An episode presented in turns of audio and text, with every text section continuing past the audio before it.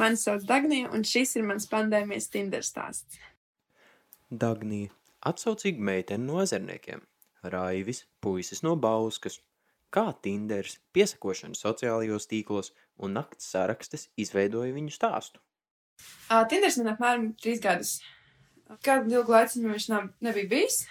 Un, uh, sākoties pandēmijai, es aizbraucu projām no Rīgas, dzīvot mājās.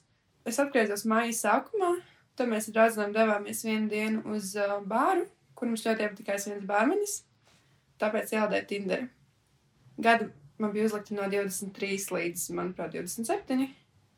Jā, un uh, es ilgi meklēju to bārmeni. Es viņu tā arī neatradu. Un uh, es domāju, ka es pamainīšu gadus uz 22. Tad man parādījās daudz smuku čaļu, kas ir 22 gadus veci. Sasaipoju diezgan daudz. Un uh, viens no tiem čaļiem bija Raivis. Par iepazīšanos internetā stāsta psiholoģe un psihoterapeite Sandra Mihailova. Vienmēr būs kādi, kuriem es nepatikšu, un kādi, kuriem es patikšu. Un tad ir jautājums, kā es varu patikt vai nepatikt. Ja? Un, un, piemēram, arī, ja es viņam nepatīk, tad es vismaz uzzinu, kas viņam patīk.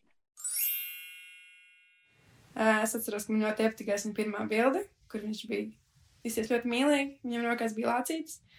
Un uh, zīmīt ar uzrakstu Mr. Right. Un uh, es izdomāju, ka man patīk. Es nosaipoju. Mačs uzreiz nebija, uh, bet vakarā viņš man uzrakstīja. Tā kā katrs dzīvoja savā pilsētā, tikšanās bija jāizplāno laicīgi. Pēc nedēļu ilgas iepazīšanās internetā nākotnes pāris satikās Rīgā. Tad mēs devāmies apmēram 30 km garā pastaigā. Es atceros, ka es viņu gaidīju ļoti ilgi. Mums bija nācis pieciem, sešiem.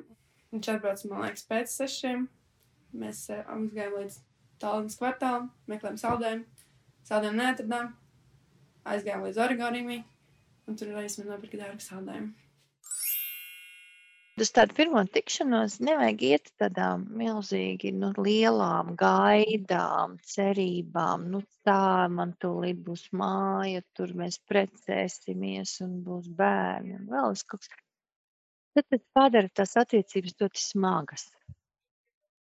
Ir vajadzīgs sākumā tāds smalka, saucamais smoke talk, nu, kad ir tas vieglums tajās attiecībās.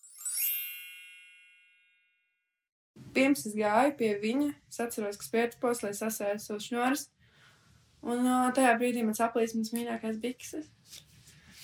Un uh, es jau iepriekš arī kā skatījos, man likās, cik ilgi viņas izturēs, un, uh, un jā, un es priecājos, protams, ka man tās bikses saplīs kājās, nevis kāpjot raivu mašīnā, ja tas būtu bijis nedaudz neveikli.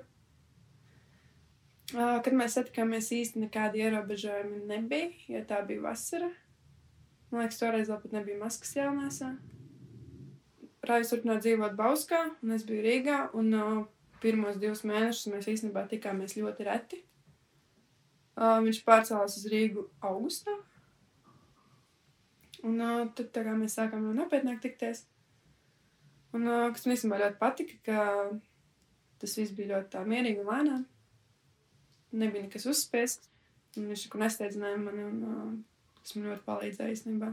Tas ir tas, ko tu patiešām vēlies. Oh, un, un izrādās, nemaz nav tik viegli atbildēt uz šo jautājumu. Mm. Un, un tas ir tas jautājums, ar ko man liekas, arī ir jāsaprot, kad es ietu Tinderī. Es tad, tad pasaku pasaulē, kad es esmu gatavs attiecībām. Pasaulē ir pareizi jānolasa, kādām attiecībām. Jo, ja es iedodu nepareizu vēstījumu, es piesaistu nepareizu partneri. Tinders izmainīja Dagnijas un Raivja dzīvi. Abi attiecībās ir ļoti priecīgi, un Tinderi iesaka arī citiem. Es ieteiktu Tinderi, jo mana Tinder pieredze liecina, ka attiecības Tinderī var atrast, tīpaši pandēmijas laikā. Kopā ar Raivu esam jau 11 mēnešus, un uh, drīzumā plānojam arī ievākties kopā. Bet laimīgi mūsu attiecībās, un viņi ļoti mīl.